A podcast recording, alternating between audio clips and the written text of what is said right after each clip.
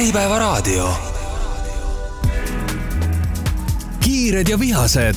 saade ambitsioonikale ja julgele ettevõtjale.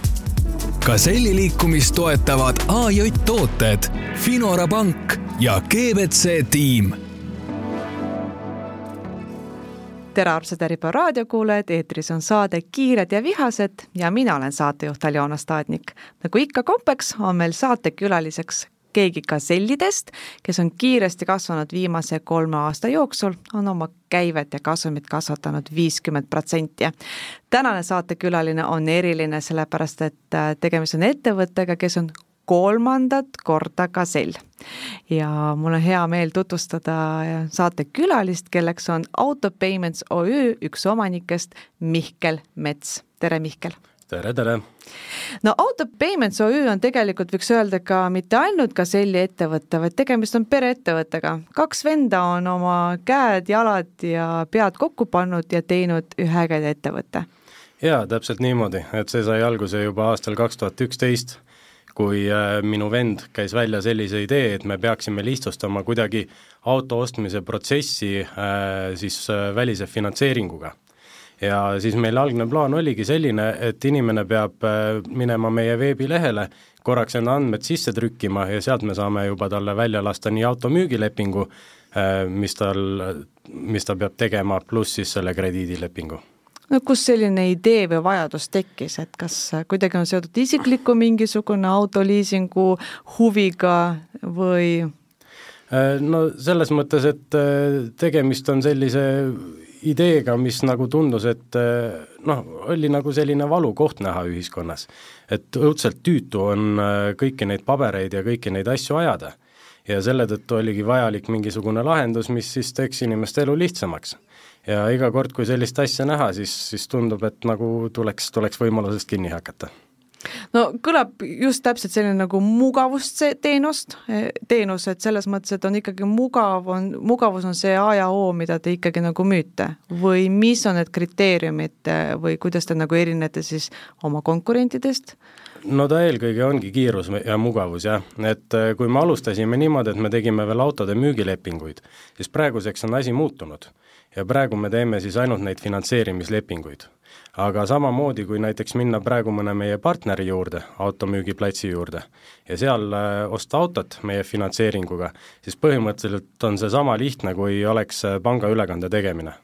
Et inimene läheb sinna, täidab ära selle taotluse, talle näidatakse, et vot äh, täpselt nii nii suur on sinu see igakuine makse, on ju, ja kui sa vajutad accept, siis sa põhimõtteliselt noh, allkirjastad selle lepingu samamoodi, nagu sa allkirjastaks ülekande ja meie lihtsalt kanname automüüjale selle raha üle. et meie juures saab iseenesest finantseeringut ka eraisik äh,, siis äh, või noh, et mitte ainult automüüja juures, vaid tal on võimalik osta vabalt valitud auto, siis ta lihtsalt saab samamoodi selle laenusumma enda kontole okei okay,, saan ma õigesti aru, et äh, tegemist on ikkagi teenusega, mida et kui ma pangast ei saa finantseeringut, mulle ei anta, siis teie käest saab igal juhul? ei, äh, meie teeme ka seda toodet koostöös pangaga ja tegelikult on meie need finantseerimistingimused umbes samasugused, kui on ükskõik millisel suurel pangal. et äh, tihtipeale me oleme neist isegi soodsamad aga meie nagu põhieelis on jah, miks võtta näiteks meie käest äh, ja mitte kodupangast, on see, et see asi on lihtsalt selline, kuidas ma ütlen, kõrgtehnoloogiline ja käib väga kiiresti. et meil ei ole kogu aeg igas etapis mingit inimest, kes helistab ja küsib küsimusi ja nõuab mingeid väljavõtteid, et äh, kõik, kõik, mida on vaja, äh, küsitakse kohe ja analüüsitakse ka kohe no tõesti, tundub väga mugav ja kui ma mõtlen, et aasta oli siis kaks tuhat kakskümmend või kaks tuhat üksteist, kui te selle ettevõtte lõite oma vennaga ja täna on aasta kaks tuhat kakskümmend kolm, et selle aastaga, aastatega on ju ka tegelikult väga paljud protsessid Eestis muutunud nagu mugavamaks.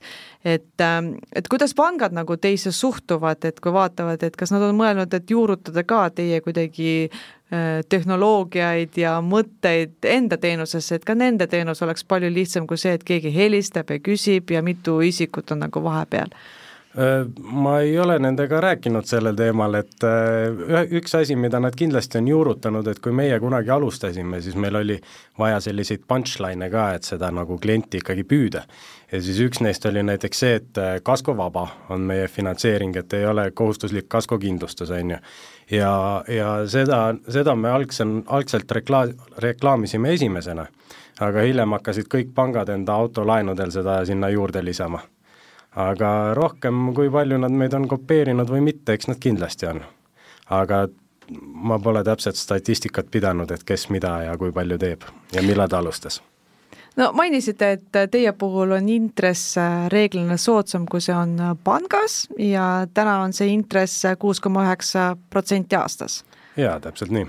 et äh, olete kursis, et millised need äh, protsendid praegu pankades on, et kui palju see erineb äh, umbes, et kui soodsamalt saab ikkagi finantseeringut läbi teie? No ma ütleks, et nad on enam-vähem samal tasemel. et kui sa võtad nagu noh, intress ei ole ainus asi, mis näitab seda krediidikulukust. et sinna lähevad sisse igasugused haldustasud, lepingutasud ja asjad. et tegelikult noh, ma ütleks, et me oleme enam-vähem samal tasemel, et väga tihti meie käest saab soodsamalt no teie käes on selles mõttes nagu siis trump, et kui me vaatame hetkel äh, üldiselt igasuguseid hinnatõuse ja trende, siis ikka vaatate, et kus saaks soodsamalt, on ju. et, äh, et olete te täheldanud, et just praegu sellisel keerulisel ajal teil on rohkem kliente või jaa, meil on olnud viimased kuud ülimalt edukad sellepärast et eh, siis, kui Euribor tõusis, eh, siis kõik, eh, kõiksugused liisingutooted ju läksid oluliselt kallimaks kohe. ja mis ainus, mis ainus, mis nagu on hull selle juures, ei ole mitte see, et ta läheb kallimaks, vaid et ta on ennustamatu. sa kunagi ei tea, mis su nagu järgmine kuumaks on.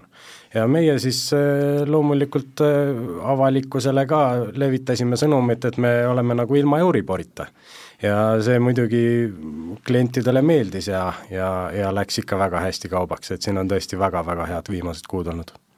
no saade on Kiired ja vihased ja saate ütleme, selline formaat on see, et me vaatame tegelikult Gazelli edetabelit ja kui me Gazelli edetabelit vaatame, siis värskes edetabelis, mis just-just siin novembri lõpus valmis sai, olete te üheksakümne seitsmendal kohal, mis on väga vinge tulemus, et kui me vaatame, et Eestis üldse on Gazelli ettevõtteid alla niisugune ühe protsendi ja, ja sellel aastal on selles mõttes hästi mahukas top, et pea kaks tuhat ettevõtet on seal sees, et äh, siis noh, tekibki küsimus, et äh, mida te teete selleks, et äh, saada Gazelliks, et kas see on olnud teie omaette eesmärk, sest te olete ju kolmandat korda Gazell omaette eesmärk see ei ole olnud, aga meil on tõesti, me alustasime seda ja olime näpud püsti, et juhuu, et tegime toimiva ettevõtte ja noh, ta alguses ülikiiresti ei kasvanud, aga noh, kuskil aasta-poolteist juba sees, siis, siis läks juba päris hästi.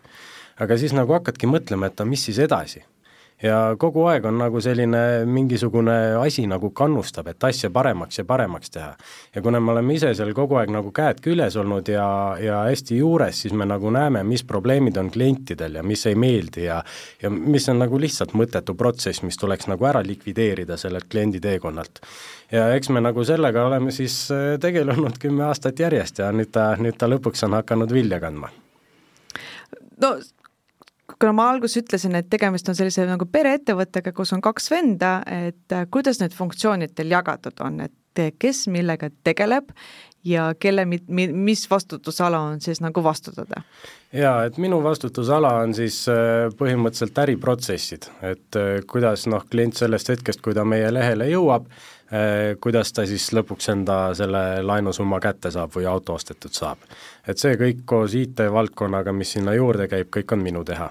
ja see, kuidas klient jõuab siis meie veebilehele algselt, see on siis minu venna teha.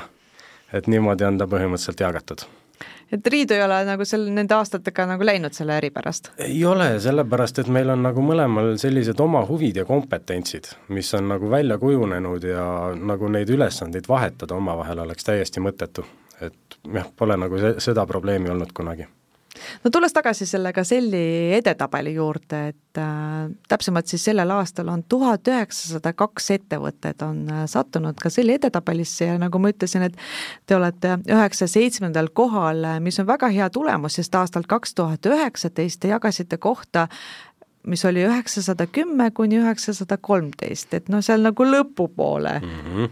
Ja kui võtta teie lausest kinni, et sellel aastal ja viimased kuud on läinud eriti hästi, et äh, kas võib oodata, et järgmine aasta olete juba neljandat korda ka sel? seda oleks, see oleks küll väga tore, et ega ma seda lubada ei saa, seda ilmselt otsustavad need Äripäeva äh, tegelased, kes siis seda arvutust kokku panevad, et kes sinna edetabelisse kuulub või mitte. no et need aga... tegelikult need teie enda tulemused, et teie käivekasum peab kasvama vähemalt äh, viiskümmend protsenti. ja seda võrreldes siis kolme aasta taguse ajaga.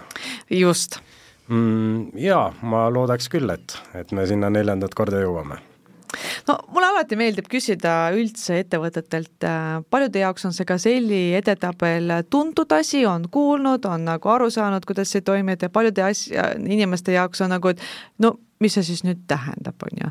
ja kui saad, on kiire ja vihane, kiired ja vihased, siis ma alati küsin, et no aga teie, Mihkel, oma vennaga, olete te kiired või olete te vihased või kuidas see nagu teie tunnetus on sellel teie nagu valdkonnas ja teie turul nagu? Äh, no me ütleks niimoodi, et äh, oleme küll jah, et noh, nagu väga paljud sektorid äh, jäävad tihtipeale sellisesse, kuidas ma ütlen, stagnatsiooni. sellepärast, et nagu asjad toimivad ja kellelgi pole väga huvi, huvi neid asju muuta. ja kui tuleb uus tegija turule, siis loomulikult ta peab midagi muutma, sest muidu pole tema järgi kellelgi vajadust. et, et kindlasti selline, kuidas ma ütlen, innovatiivsus ja selline asjade uuendamine ja paremini tegemine ongi nagu kogu meie tegevusplaani sisse kasvanud. et ilma, ilma ilmselt oleks muidu nullis, mitte ka sell. absoluutselt, et äh, et kui me räägime teie äh, suurepärastest tulemustest ja kui raadiokuulajal tekkis nagu küsimus, no kui palju sellise äriga on võimalik teenida, siis aastal kaks tuhat kakskümmend kaks oli teie käive kuussada kaheksakümmend tuhat, et pole paha ja, ja teie kasum selle juures oli pea nelisada tuhat. et, et selles mõttes on ta nagu ikkagi äh, ma ütleks, et päris, päris hea äri, et, et päris suurt kasumit on võimalik sealt välja võtta. jaa, ikka, et noh, ega sellisel finantsettevõttel ongi, ongi see lugu, et ega see noh, käive nagu ei äh, ei ütle seda, et kui palju neid laene kokkuvõttes on väljastatud, et neid laene läks seal kuskil, ma arvan, kuus, seitse, kaheksa miljonit umbes. et äh, tegelikku tegevusmahtu me eelkõige määratleme selle järgi, et kui palju siis inimesed tegelikult on teenust kasutanud. ja see, kui palju sealt nagu seda kasumit lõpuks alles jääb, see on äh, ka tähtis, aga ta ei ole nagu esmatähtis kas see äri on nagu põhineb ikkagi sellistele püsiklientidele, et päris suur osakaal teie klientides on nagu püsikliendid, kes on aastast aastasse kasutanud teie teenust? Suurt osakaalu ei ole, et need inimesed, kes on meid korra kasutanud, need üsna tihti tulevad küll tagasi. aga kuna me nagu mahtudega pidevalt kasvame, siis puhtalt püsiklientide pealt seda, seda teha ei saa. et me ikkagi leiame neid uusi kliente ka pidevalt no Eestis on ikkagi inimeste arv piiratud ja ka need autoomanike või üldse ütleme, juhilubadega inimeste arv on ka piiratud, et äh, kuidas on nagu välismaad turgudega, et kas te olete sinna juba läinud või mis plaanid neil, teil nendega on? me oleme sinna kiiganud, aga esialgu pole nagu välismaale väga kippunud, et äh, selleks peaks nagu saama äh, kuidas ma ütlen, mingisuguse ülimalt hea konkurentsieelise välismaal. aga, aga noh, kui Eestis on see kiirus ja automaatsus, mida saab suuresti tänu ID-kaardile ja Smart-ID-le ja kõigele sellele, siis Lätis noh, seal on mingid süsteemid paigas, millega saab taolist asja teha, aga need ei ole väga laialt levinud. et seal peaks jah, nagu väga, väga palju seda tarbijat harima ja see on ülikallis protsess no aga ikkagi selles mõttes ühel päeval on, äh, no ei tule seda pealekasvu juurde, et kes need inimesed siis nagu teie teenust äh, kasutaksid, ma just mõtlen nagu uued kliendid, et kuidas te siis kasvatate oma äri, kuidas te olete ka sel näiteks kümne aasta pärast? no eks seda peab vaatama, et äh, eks, eks sinna välismaale noh, tuleb silmad lahti hoida. et kui tuleb mingisugune hea võimalus jälle, siis, siis tuleb sellest kinni hakata ja, ja tegutsema hakata aga lihtsalt nagu nui neljaks äh, minna välismaale midagi tegema ja ka olema seal, et seda, seda nagu mõtet me pole veel näinud. no räägime äh, keerulistest, äh, ütleme, väljakutsetest, et igal äril on nagu ütleme, sellised nagu mesinädalad ja toredad ajad ja on olukorrad, kus tõesti mõtlete, et no miks ma seda teen. et meenub teile, Mihkel, et oma vennaga mingisugune protsess oma äris, kus te mõtlesite, et appi, et kas tehnoloogia ei tule järgi, kas inimesed ei tule järgi või et noh, tõeline väljakutse, millega peaks nüüd hakkama saama raske öelda, neid väljakutseid ikka tuleb ette. Äh, kõige, kõige raskem moment vist oli see, kui äh, võeti vastu fina-, uus reklaamiseadus. ja seal siis oli kirjas, et äh, põhimõtteliselt finantsteenuse reklaamis sa tohid näidata ainult seda mm, kuidas on disclaimer eesti keeles? no ühesõnaga see, et tegemist on finantsteenuse reklaamiga, intress ja krediidikulukuse määr on nii ja nii palju ja mitte midagi muud seal öelda ega näidata ei tohi ja see pani ikka küll päris kõvasti kukalt kratsima, et, et kuidas, kuidas, kuidas, kuidas ma siis nüüd ütlen kellelegi seda, on ju. et puhtalt seda disclaimer'it kellelegi öelda, no teda ei huvita ju sa, oled sa kunagi näinud Facebookis, et sul mingi disclaimer jookseb ja sa vaatad, nii lahe disclaimer, selle peale ma küll klikin, kohe võtan. muidugi ei vaata absoluutselt et, et see oli nagu selline, ütleme, üks piduritest, mis pidurdas teie nagu äri? jaa, absoluutselt. kuidas te sellest välja tulite? Äh, me hakkasime finantseerima FIE-sid ja nüüd me suuname kogu enda reklaami FIE-dele ja, ja nii ongi. et ega me tegelikult tarbijale mingit reklaami teha ei tohi praegu ja muidugi teine, teine tegevussuund, mis meil on, on siis äh, läbi autoplatside me pakume enda finantsteenust. ehk see oligi see, millest ma alguses rääkisin, et põhimõtteliselt see on nagu makselahendus, kus inimene saab auto ja maksab pärast osadena meile ja see on vist päris populaarne nüüd äh, ütleme, sellisel raskemal ajal, majanduslanguse ajal, kriisi ajal jaa, praegu on, praegu on tõesti hästi läinud ja meil on see umbes äh, nelikümmend aktiivset äh, automüügiplatsist partnerit, kes siis seda niimoodi aktiivselt pakuvad ja soovitavad klientidele. no tihtipeale, või noh, mitte tihtipeale, aga paratamatult on see, et kui on äh, kriis, siis teil tekivad ka võlad ja kui on võlad, siis need tekitavad ettevõttele probleeme kuidas teil see võla, võlgadega tegelemine siis käib, et kas te ise seda võtate vastutuse enda peale või see on juba vastutus nagu me teeme jah, koostöös äh, Inbank AS-iga seda ja võlglastega tegelemine on siis ka nagu nende nii-öelda ülesanne. et meie otseselt ise sellega ei tegele. aga nii palju, kui ma tean, siis ega neid väga palju ei ole, et äh, põhimõtteliselt krediidianalüüsi käigus tuleb ikkagi välja selgitada, kas, kas inimest tasub finantseerida või pigem on mõistlik talle soovitada mitte seda finantseeringut võtta no kui palju te ikkagi ütleme, kuus keskmiselt ära ütlete, et inimene tuleb hea lootusega, et nüüd saab endale lubada jõuludeks auto ja siis tegelikult ei saa?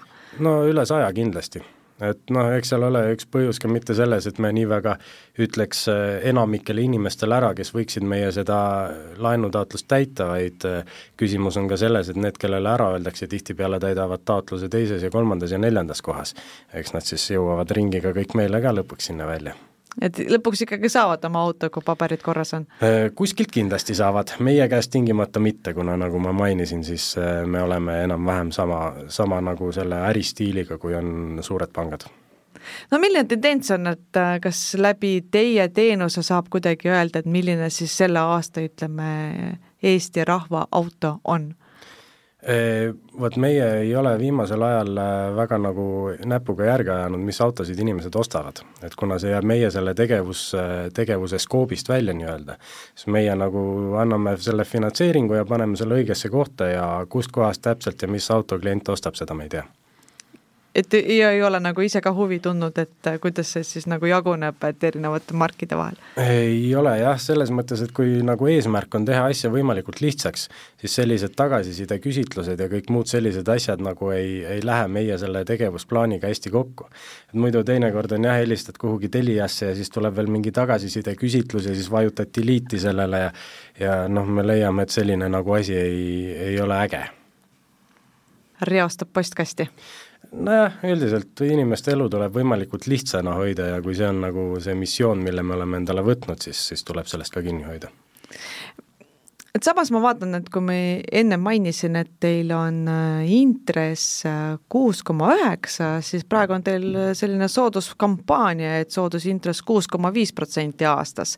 et aasta lõpuni just, et äh, tegite null koma neli protsenti siis soodsamaks. Jaa, ikka tegime jah, et äh, eks paratamatult sellised kampaaniad käivad ühe, ühe ettevõtte turustuse juurde ja ma ei saaks öelda, et seal mingit nüüd ülimalt äh, sügavat äh, mõtet taga oleks peale selle, et kliendid, tulge ja vaadake meid ka ja, ja kaaluge meie teenust. no ma ennem juba mainisin, et äh, tegemist on detsembrikuuga ja on jõulud tulemas, et kas ongi tendents ka, et millal siis inimesed ikkagi teevad selle suure otsuse, et noh, oleme ausad, kinnisvara ostmine, auto ostmine ei ole päris nagu leiva ostmine, sa ikkagi võtad selle plaani ja mõtled, et nüüd ma kas saan endale lubada või ei saa endale lubada. et te ütlesite, et viimased kuud on olnud kiired.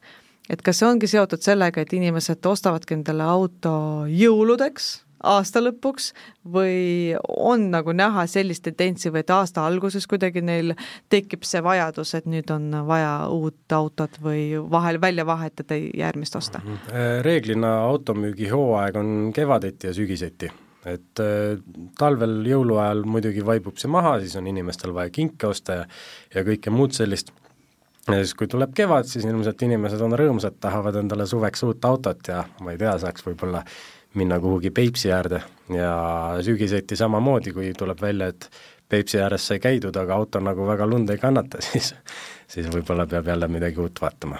noh, tõenäoliselt, see on nali muidugi aga kui inimene on saanud finantseeringut ja ostnud teie platvormi kaudu autot, aga lõpuks tahab seda müüa, et et, et kas seal ka olete kuidagi nagu abiks ja toeks või see on juba teise ettevõtte pärusmaa ja sinna te ei, nagu selles mõttes, ei lähe appi?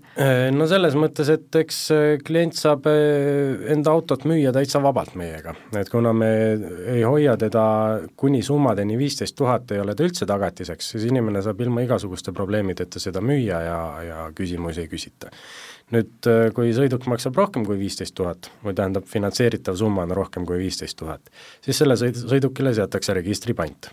aga pole ka näiteks mingit probleemi teha niimoodi, et äh, klient teeb auto ostjaga müügilepingu, äh, laseb kanda selle laenu nagu lõppsumma siis arvele ja, ja, ja ülejäänud summa, juhul kui ta autot kallimalt müüb, võtab endale ja võetakse registripant maha ja läheb see omandiõigus uuele omanikule üle, et üldiselt on asi lihtne.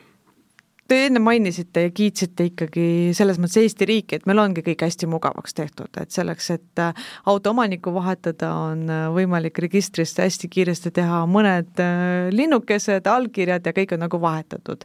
et teie kui ütleme, IT-inimene, et milliseid kitsaskohti te näete, millised teenused, mis kuidagi on seotud näiteks teie äriga, võiksid veel minna lihtsamaks ja nagu järgmisele astmele, et asjad oleksid veel mugavamad ja, ja paremad just kliendi jaoks seda on raske öelda, üks asi, mis äh, kindlasti Maanteeametis on keeruline, äh, mida, millega meie äri küll enam kokku ei puutu, aga varem puutus, on igasugune volituste teema. et seal enam ei aktsepteerita mingit kindlat volitust, mis sa oled paberi peale teinud, vaid seal tuleb Maanteeametis valikutest valida siis erinevate linnukestega. ja tihtipeale need volitused, mida sa nagu tahad anda, ei ole piisavalt kitsad vaid tuleb valida nagu terve rida igasuguseid volitusi, mida tegelikult inimesele ei tahaks anda. et see on üks selline asi, millele võib-olla oleks tore, kui, kui Transpordiamet siis otsa vaataks. aga mis puudutab kõiki neid digiallkirjastamise ja asju, siis see süsteem on, on tõsiselt hea. et kui, kui osata neid tööriistu nagu õigesti kasutada, siis, siis sellega saab ikka tõelist maagiat luua. aga Mihkel, väga lihtne küsimus, kas äh, koolis õppisid siis äh, finantsjuhtimist, õppisid hoopis midagi autondusega? Äh, ma tegelikult õppisin psühholoogiat üldse ja mitte mingisuguse erilise põhjusega, vaid mulle lihtsalt tundus see asi huvitav, läksin ülikooli ja õppisin ja sain bakakraadi ka. ja siis peale ülikooli mõnda aega siis sai selliseid, kuidas ma ütlen, töökesi tehtud kuni, kuni nagu lõpuks, lõpuks tekkis idee, et peaks siis autode finantseerimist pakkuma hakkama ja seda sai siis tege-, tegema hakatud ja natuke selleks, et neid protsesse paremini juhtida, ma läksin ka TTÜ-sse ja õppisin seal äriinfotehnoloogiat. Äh, aga, aga väga kaua ma seal ei olnud, mingi hetk otsustasin, et, et selge ja, ja tuleb nagu päriseluga edasi minna et on paratamatus see, et, et nagu päris, päriselt tegutsedes õpib kolm korda kiiremini kui ülikoolis.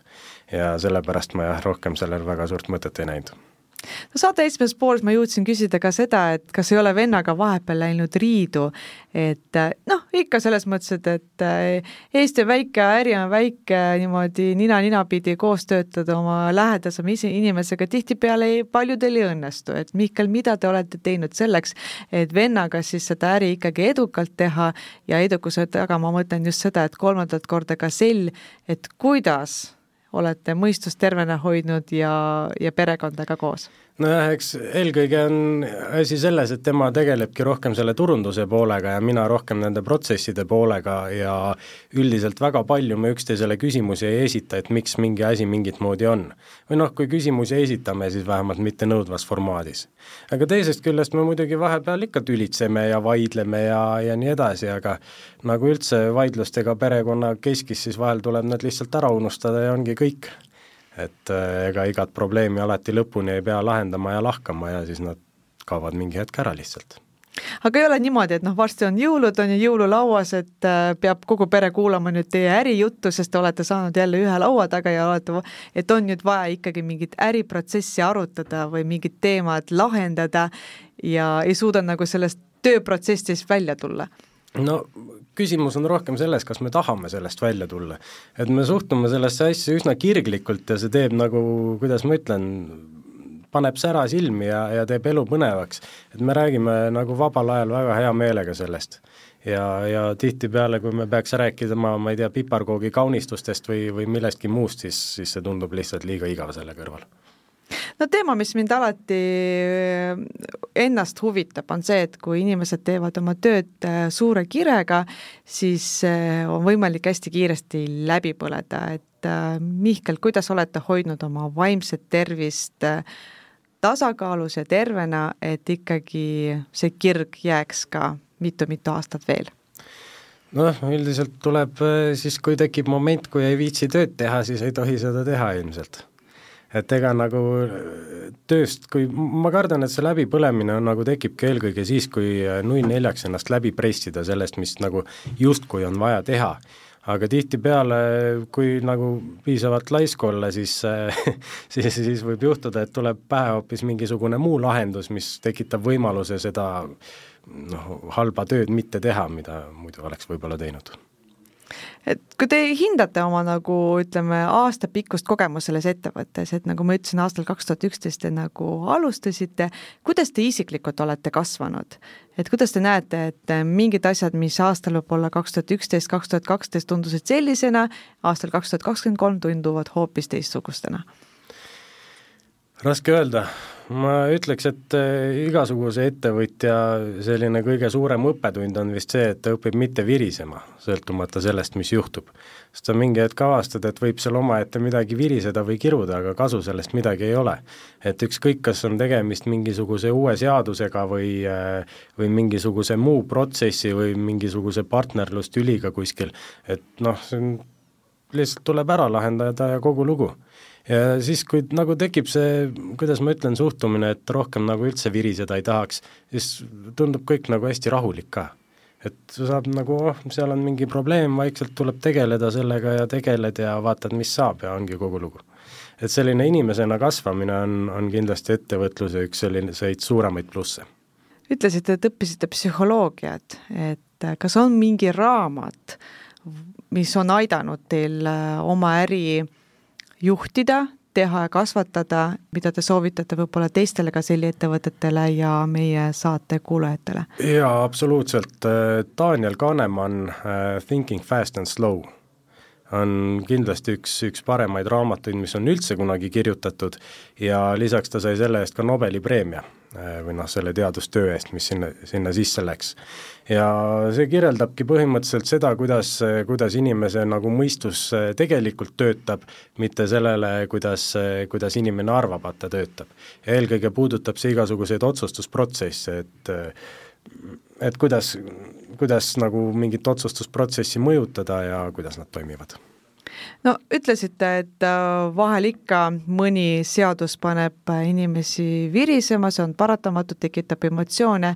no üks seadus, mis on hästi palju kirgi kütnud äh, siin Eesti riigis, on automaks mm. -hmm. ja no lihtne küsimus, kas automaks teie ettevõtet pigem nagu aitab kaasa teie ettevõtlusele või pidurdab? no pigem ta, ma ei tea, ma ausalt ei tea, sellepärast et tegelikult inimestel on autosid niikuinii vaja. Ma ei usu, et see automaks nüüd paneb inimesi nii palju bussiga sõitma, et meie äri kuidagi võiks, võiks ära kukkuda. ja teine asi, mis ma olen märganud, et kui piisavalt kiiresti kasvada, siis see, mida see makromajandus või turg seal kõrval teeb, ei oma nii väga tähendust et ainult siis, kui ma ei tea, kasvada umbes samas tempos kui majanduskasv, siis ilmselt see majanduslangus hakkab olulist mõju mängima ettevõtte tulemustes et ootate põnevusega, mis aasta toob? jah, ikka, ikka, vaatame, mis saab. Ilmselt olete juba vennaga maha istunud ja pannud endale järgmise aasta eesmärke kirja. no mida te olete üksteisele lubanud, et äh, mida te järgmisel aastal teete ja mida teete selleks, et teie ettevõte endiselt kasvaks siis kiiresti ja vihaselt? Tead, ma tahaks küll öelda, et me oleme nagu selline klassikaline seltskond, kes võtab kätte ja seab eesmärgid ja siis näeb ränka vaeva selleks, et nendeni jõuda. aga tegelikkus on meil rohkem selline õhinapõhine, et istume seal kontoris ja äh, räägime juttu ja, ja siis üks ütleb, oh, tead, mis, teeme sellist asja ja siis teine ütleb, oota, aga kas sellega ikka niimoodi saab, ja siis räägime läbi ja, ja tihtipeale need asjad nagu saab ellu viia. et äh, sellist nagu väga pikka plaani meil ei ole, kuna me tegelikult oleme hästi nagu paindlikud ja me saame kõiki asju kohe teha. et äh, jah, kui, kui mingit asja plaanida aasta taha, siis see meie puhul oleks laiskus lihtsalt et ikka heas mõttes niisugused kiired ja vihased, ei ole aega siin laiselda ja pigem mõtted lendavad, et äh, no absoluutselt jah, ja, ja tegelikult ongi, et kuna ma ise selle IT poolega nagu tegelen ka, siis meil ei käi see äh, IT igasuguste muudatuste tegemine ka kuigi aeglaselt, et äh, põhimõtteliselt äh, täna mõtleme välja ja järgmine nädal on üleval ja vaatame, kuidas kliendid reageerivad ikkagi nii väikse tiimiga, kolm inimest, on võimalik teha nii suurt asja, mis aitab inimesel mugavalt endale siis autot osta. et olete mõelnud nagu suurendada oma tiimi, et no otsest vajadust suurendamise järgi ei ole, kuna tegelikult äh, kõik äriprotsessid teeb ära arvuti. et see, mis meil seal ettevõttes toimub, seda on päris palju. aga kuna enamuse teeb sellest jah, arvuti ära, ütleme, inimene läheb meie veebilehele, täidab enda taotluse, on ju, ta lööb ette pakkumise, kui ta tahab, ta võib muuta seda, ma ei tea, natuke pikemaks perioodiks või mis iganes, on ju, äh, koostab lepingu, allkirjastab selle ära ja alles siis äh, meie näeme, hopsti hüppab äh, ekraanile, et see inimene on lepingu allkirjastanud ja meie inimene teeb talle väljamakse. et see nagu jah, enamusi protsesse tegelikult ei ole vaja üldse manuaalselt teha no kõlab nagu kauge tulevik väga paljudes ettevõtetes, kus arvutid kirjutab sinu eest juba kõik kirjad ära, polegi üldse vaja inimese tööle värvata, sest et kõik imelised veebipõhised tööriistad ja platvormid suudavad kõiki asju ära teha eks ta ole jah, ja ma arvan, et paljude ettevõtete tulevik tegelikult ongi sellise kõrge automatiseerituse juures. aga see nagu eeldabki seda, et ettevõtte juhid ise on äh, käed küljes ja näevad, et mis protsess nagu on selline, mis tegelikult peaks ära kaduma. et võib-olla kunagi oli näiteks mingi seadus, mis kohustas, ma ei tea, mida iganes kliendile helistama, täna seda ei ole, on ju, aga inimene peab nagu ise, ise ikkagi kätt pulsil hoidma, et äh, kus, mis, mis protsess on, mida vaja ei ole tuleta meelde, et äh, Gazelli liikumise toetajad on meil IG tooted, GBC Team ja Finora Pank. ja meil tegelikult üks küsimus ongi toetajalt tulnud, et Finora Panga inimesed on küsinud siis just teie käest, Mihkel, et kas ja millisel kujul te näete ennast tegemas koostööd pankadega ja mille millised oleks teie ootused selle koostöö osas? no me tegelikult juba natuke esimeses saate pooles rääkisime, et teete väga, väga tihedat koostööd. jaa, absoluutselt, et eks äh, selline panga nagu, kuidas ma ütlen, alusloogika on iseenesest päris hea, et äh, kuna kuna raha saavad pangad siiski kõige odavamalt kätte, siis eh, noh, kui seda raha tahta klientidele laenata, siis, siis ilmselgelt on kõige parem nendega mingisugune diil teha. jah, ega praegu, praegu nagu toimib eh, koostöö pankadega ja kui keegi tahab eh, rääkida, siis me oleme alati valmis kuulama. et ma saan aru, Finora pangaga te veel koostööd ei tee? ei ole kokku puutunud, jah mulle alati meeldib küsida inimeste käest, et äh, noh, üks asi on see, et me rääkisime nagu väljakutsetest ja kitsaskohtadest ja me rääkisime sellest, kuidas te üldse oma tööd teete, aga noh, kindlasti Mihkel, teie kui ärimees äh, olete mõelnud oma elu peale, et et te olete nii tänulik sellepärast, et tegite seda, teist või kolmandat asja või te olete nii tänulik, et see või teine inimene on teie elus. et mis on need tegevused, mille üle te iseendale olete tänulikud, et te olete just tänu sellele kasvatanud seda äri ja ise, iseennast? ma olen üsna tänulik sellele, et ma olen selline jah-mees, et kui mingi asi tundub nagu, et see on võimalik, siis ma olen nõus nagu enda aega panustama selle riskiga, et see nagu panustatud aeg läheb kuhugi tühja. mis puudutab se-, sellist ettevõtmist, siis praegu tundub jah, kolmekordsega selline, et hullult loogiline on nagu pihta hakata sellega, on ju, aga ega seda varem ei teadnud ja, ja see selline, kuidas ma ütlen, õhinapõhine elamine on, on mulle üldse väga hästi ennast, ennast tõestanud, et, et toimib. kas on midagi, mida ma ei jõudnud täna küsida, aga te oleksite tahtnud rääkida ja võib-olla mingid nõuanded anda meie gasellidele ja meie raadiokuulajatele? võib-olla üks asi, mis meie nagu ettevõtte edusse on väga kõvasti panustanud mis esmapilgul tundub võib-olla selline intuitsioonivastane, on see, et kui inimene läheb meie kodulehele ja kalkuleerib endale kuumakset, siis see kuumakse, mis ta sealt kalkulaatorist saab, on sada protsenti täpne. kui väga paljude pankade kodulehtedel on niimoodi, et äh, näidatakse seda kõige odavamat intressi ja seda kuumakset, mis, äh, mis nagu maksimaalselt odav võiks tulla ja miks ta on intuitsioonivastane, et inimene võib-olla võrdleb seda panga kodulehel olevat ja meie kalkulaatorit ja mõtleb, et eh, ohoh, et eh, see autopay on nii kallis, on ju aga tegelikkuses on see, et kui ta mingi hetk saabki selle pakkumise ja ta kasutab seda teenust, see oli tema jaoks hästi ennustatav, see oli tema jaoks mugav ja kiire, et siis ta tõenäoliselt soovitab seda enda sõbrale ka ja seda me oleme väga palju näinud, et äh, väga paljud kliendid tulevad nii-öelda ei kuskilt. Ehk põhimõtteliselt on, on keegi neile soovitanud, et see on nagu hea ja äge teenus. et see on pikk mäng, aga see tasub ennast kindlasti ära, olla selline aus ja läbipaistev. aga pangad on ju ka ausad? on, absoluutselt, aga lihtsalt, äh, kuidas ma ütlen, selline äh, kultuur äh, on ikkagi selline kõige odavama kuumakse näitamine et äh, mitte, et ma pankadele kuidagi pahaks paneks seda, sellepärast et neil on selline astmeline hinnastamine. et vastavalt kliendi sellele, äh, kuidas ma ütlen, krediidiprofiilile, nad siis määravad, mis intressi ta saab. ja selles nagu, selle loogika järgi tegelikult see kõige soodsama kuumakse näitamine on, on loogiline. et mina ilmselt pangajuhina teeksin sama.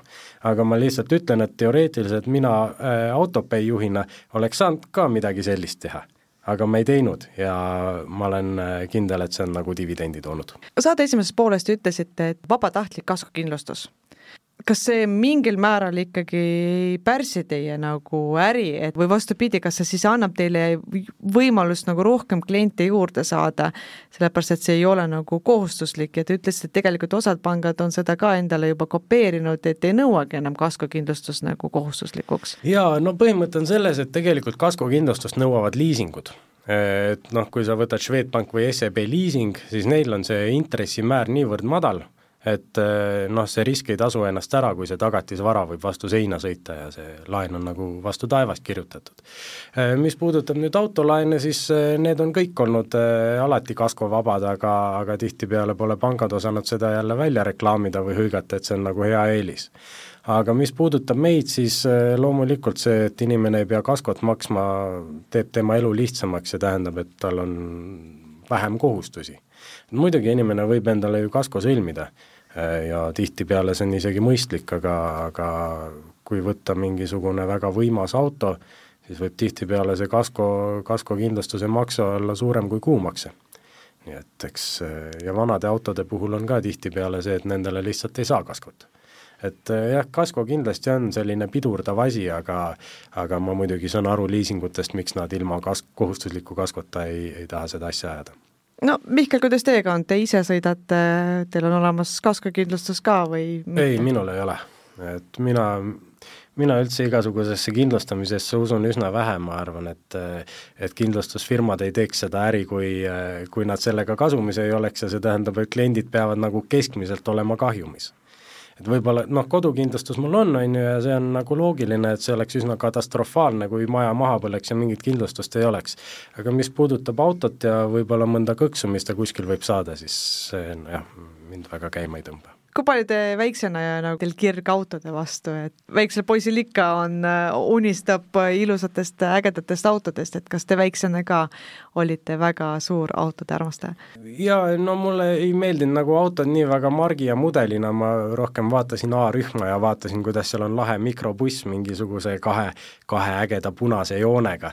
ja see oli nagu selline asi, mis mulle tundus, et vaat see, see auto on äge et sellist äh, päris nagu suurt markide ja mudelite tundjat minust pole kunagi olnud. mis, mida ei saaks küll öelda minu venna kohta, kellega koos ma seda asja ajan, kellel on autod alati südamelähedased olnud ja kes vist juba mingi seitsme või kaheksa-aastaselt äh, oskas nimetada kõiki automarke ja mudeleid, mis mööda sõitsid. et küllap sellepärast tema selle idee ka välja käis, et, et see temale nii väga südamelähedane on alati olnud no te mainisite, et, et teie vend on turundaja ja tema on siis õppinud turundust ülikoolis ta õppis jah, majandusõigus oli see vist äh, mingisuguses eraülikoolis, mille nime ma täpselt ei mäleta, aga jaa, äh, majandusõigust õppis ja turundus oli ka kindlasti osa sellest et kui palju head kompetentsi on ühes väikses tiimis, et äh, kõik alad on kaetud ja kõik on nagu omast käest võtta. jaa, asjad on, on hästi välja kukkunud, et selles mõttes on hästi vedanud saade hakkab otsa saama, et äh, kas on midagi, mida ma ei jõudnud veel küsida ja enne võib-olla siin jõuluaega tahaksite meie kuulajatele öelda või? no enda tulevastele klientidele ma ütleks, et minge kindlasti autopay.ee ja vaadake üle, et äkki, äkki meeldib ja kõikidele teistele inimestele ma ütleks, et rahulikku jõuluaega ja, ja ärge siis jõulustressi tundke liiga palju ja olge mõnusad. kordan üle, et eetris oli saade Kiired ja vihased ja mul oli külas Auto Payments OÜ, kes on kolmekordne gasell ja kes sellel aastal on üheksakümne seitsmendal kohal tuhande üheksasaja kahe ettevõtte seas ja ettevõte tegeleb siis finantseerimisega, aitab eraisikutel soetada autot, et äh, ja seda mugavalt, arvestades äh, Mihkli pädevust IT-maailmas, on see mõne klikiga on võimalik endale siis autot soetada. aitäh, Mihkel, saatesse tulemast! aitäh kutsumast, oli tore! Armsad raadiokuulajad, et kui te ei ole veel soetanud endale Gazelli kongressi piletit, siis tuletan meelde, et kahekümne neljas Gazelli kongress on juba seitsmendal veebruaril ja jällegi kultuurikatlas nagu viimased aastad juba, et äh, kui ei ole soetanud, siis tulge, tulge kuulama, inspireerivad lood, et äh, aitab kasvada niimoodi kiirelt, vihaselt ja edukalt, et äh, mina tänan, eetris oli saade Kiired ja vihased. aitäh, Mihkel! Aitäh!